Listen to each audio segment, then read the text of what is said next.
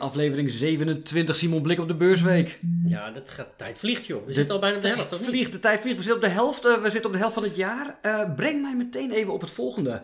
Eh, aangezien we op de helft van het jaar zitten, we hebben altijd hè, vanuit het Investment Office hebben we altijd de beleggingsvisie.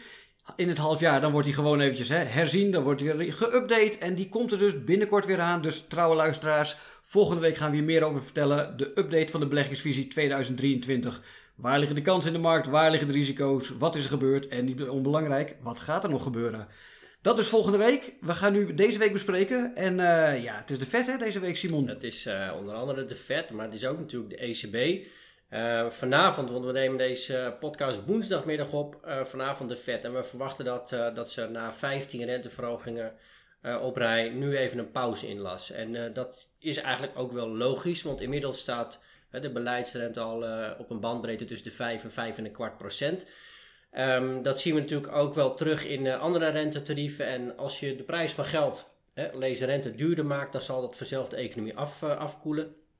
Um, met als doel natuurlijk om, om de inflatie onder controle te krijgen. En daarover gesproken, hè, de Amerikaanse inflatiecijfers van de afgelopen maand mei die uh, gisteren werden gepresenteerd, die kwamen ook in lijn met de verwachting van analisten, sommigen zelfs uh, een tikkeltje lager. Uh, en wat blijkt is dat die inflatie echt wel flink aan het, aan het vertragen is. Dus in een, ja, ik wil niet zeggen hetzelfde tempo als dat ze omhoog gingen de prijzen, zie je nu dat de prijs groeit, want ze stijgen nog wel die prijzen, maar veel minder snel dan, dan we eerder hebben gezien. voor de headline inflatie in Amerika, dus dat is inclusief energie en voedsel, zagen we de, ja, de laagste prijsgroei sinds, uh, wat is het, maart 2021. Dus je ziet echt wel dat daar een afkoeling uh, plaatsvindt. En dat zou dan reden genoeg moeten zijn voor de Fed om in ieder geval vanavond aan te kondigen dat ze even een pas op de plaats maken. Wellicht zullen ze nog wel hinten op een renteverhoging volgende maand.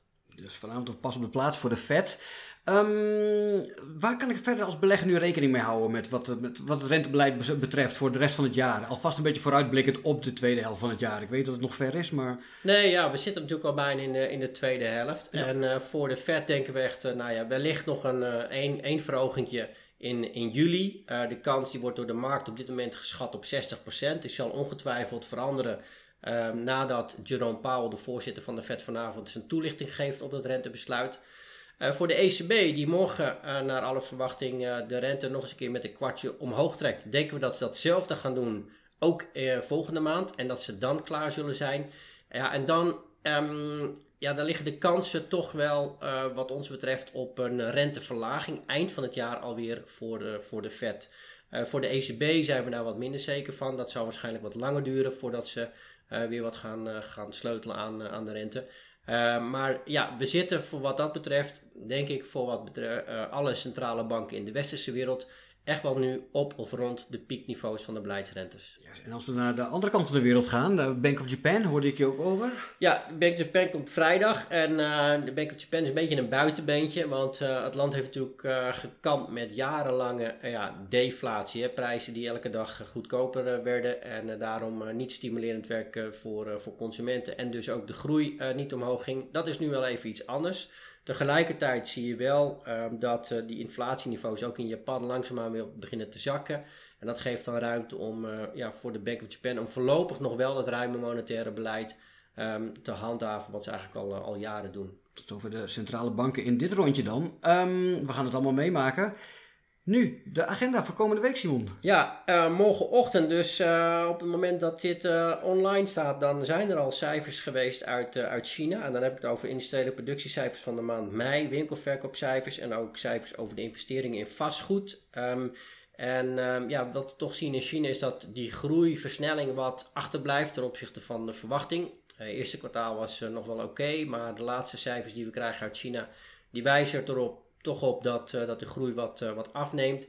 Vandaar ook dat we verwachten dat um, um, de Chinese overheid uh, samen met de Chinese centrale bank toch nog extra stimuleringsmaatregelen zal aankondigen. Naast degene die ze deze week hebben aangekondigd door het zevendaagse rentetarief met een tiende te verlagen van 2 naar 1,9. Er zit dus meer aan te komen. Juist. En wat komt er nog meer aan op de agenda? Nou ja, voor vrijdag had ik dus al de Bank of Japan staan. dan hebben we ook nog um, de Universiteit van Michigan, die in Amerika met hun voorlopige sentimentsverwachtingen komt voor de maand juni. daar zien we voor het sentiment een lichte stijging, zoals die wordt verwacht door de analisten. En dat de éénjaarsinflatie en, en ook de 5 tot 10 inflatieverwachting weer een tiende zal zijn gedaald. En dat is ja, in lijn eigenlijk met het brede beeld wat we overal zien, is dat zowel de inflatie en daarmee ook de inflatieverwachting daalt. En dat is gunstig ehm, voor, uh, voor rentes. He, terugkomend op je eerste vraag, of je eerdere vraag van wat betekent dat voor beleggers, is dat uiteindelijk, zoals wij verwachten, ook kapitaalmarktrentes, dus de langere rentes weer wat kunnen gaan dalen richting eind van het jaar. Helder. Is het dan al weekend? Dan hebben we een weekend, een heel mooi uh, weekend hopen we weer voor, uh, voor Max. Die als het goed is dan de honderdste zegen kan pakken voor het team van Red Bull. Kijk, waar, gaan ze, waar moet hij rijden? Ja, hij moet in Canada rijden op het, volgens mij in Montreal hè. Ja, okay. Grand Prix van Montreal.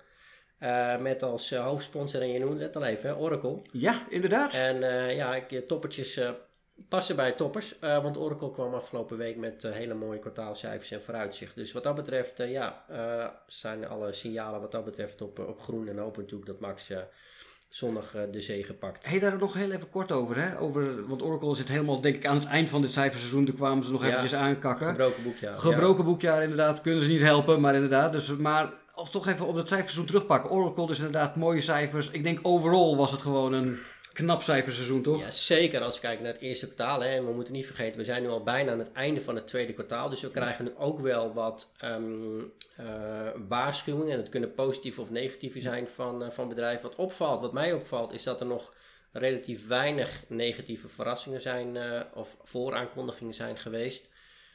terwijl toch analisten verwachten dat de winstgroeiontwikkeling voor Amerikaanse bedrijven dit kwartaal, het lopende tweede kwartaal, het meest negatief eh, zal zijn. Maar goed, dat dachten ze uh, over het eerste kwartaal ook. En dat viel uiteindelijk behoorlijk mee. Er werd aan het begin nog een winstdaling van 8% verwacht.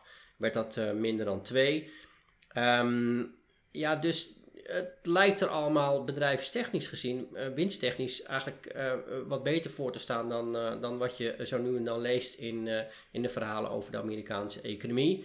Uh, alhoewel daar ook um, toch wel blijkt dat die arbeidsmarkt gewoon heel erg sterk is en consumenten blijven besteden. Dus uh, zo gek is het niet. En dan hebben we natuurlijk ook nog de, ja, de hype rondom uh, um, artificial intelligence, die vooral de techbedrijven heeft, heeft geholpen. Inderdaad. En dan gaan we door naar de agenda.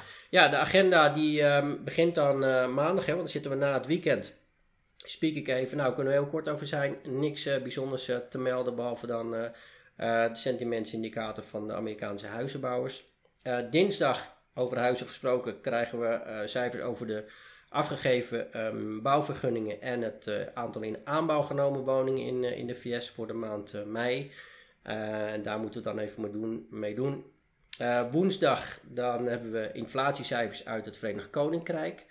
Uh, leidde afgelopen week, wat zeg ik gisteren, een onverwachte daling van het uh, werkloosheidspercentage in het VK nog tot een behoorlijke stijging van de rentes. Ja, wellicht dat dan die inflatiecijfers daar ook nog een uh, schepje bovenop doen. Of dat ze juist een tegenovergestelde reactie teweeg brengen. Hoe kijken jullie als investment office naar het Verenigd Koninkrijk nu? Ja, ik moet zeggen, um, een beetje tweeledig. Want wat je um, ziet is dat uh, de verwachtingen voor um, uh, het VK, uh, VK, economisch gezien eigenlijk best wel negatief waren. Maar die blijkt toch wat weer uh, barstiger dan, dan verwacht. Um, dat zagen we dus ook terug in die werkloosheidscijfers.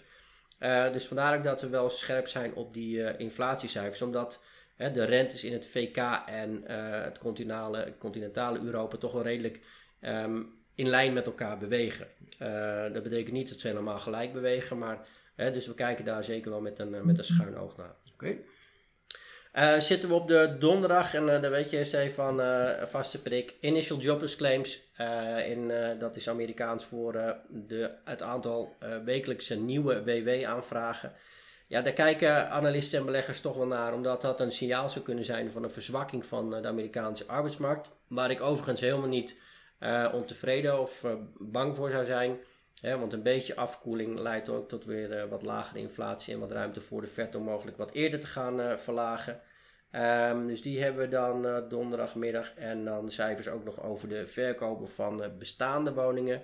Ehm, de index van leidende indicatoren in de VS en de index van het consumentenvertrouwen in de eurozone. En op de vrijdag, daar zie ik toch best wel wat gemarkeerd op je lijstje. Ja, voor een vrijdag? Ja, voor een vrijdag, je zit mee te spieken. Maar vaak zit hem uh, het, het, in de staart van, van de week. En dat is deze keer niet anders. waar we met bijzondere aandacht naar kijken vrijdag zijn de voorlopige inkoopmanagersindices uh, van Frankrijk, Duitsland en de eurozone als geheel. Om ja, goed te kunnen inschatten hoe staat het nu met die economische groei. Nou, we hebben gezien dat we een technische recessie hebben gehad in Q4 vorig jaar en Q1 van dit jaar. Tegelijkertijd zien we dat die inkoopmanagersindices zich eigenlijk best wel sterk houden. Afgelopen maand wel ietsjes van een uh, lichte daling.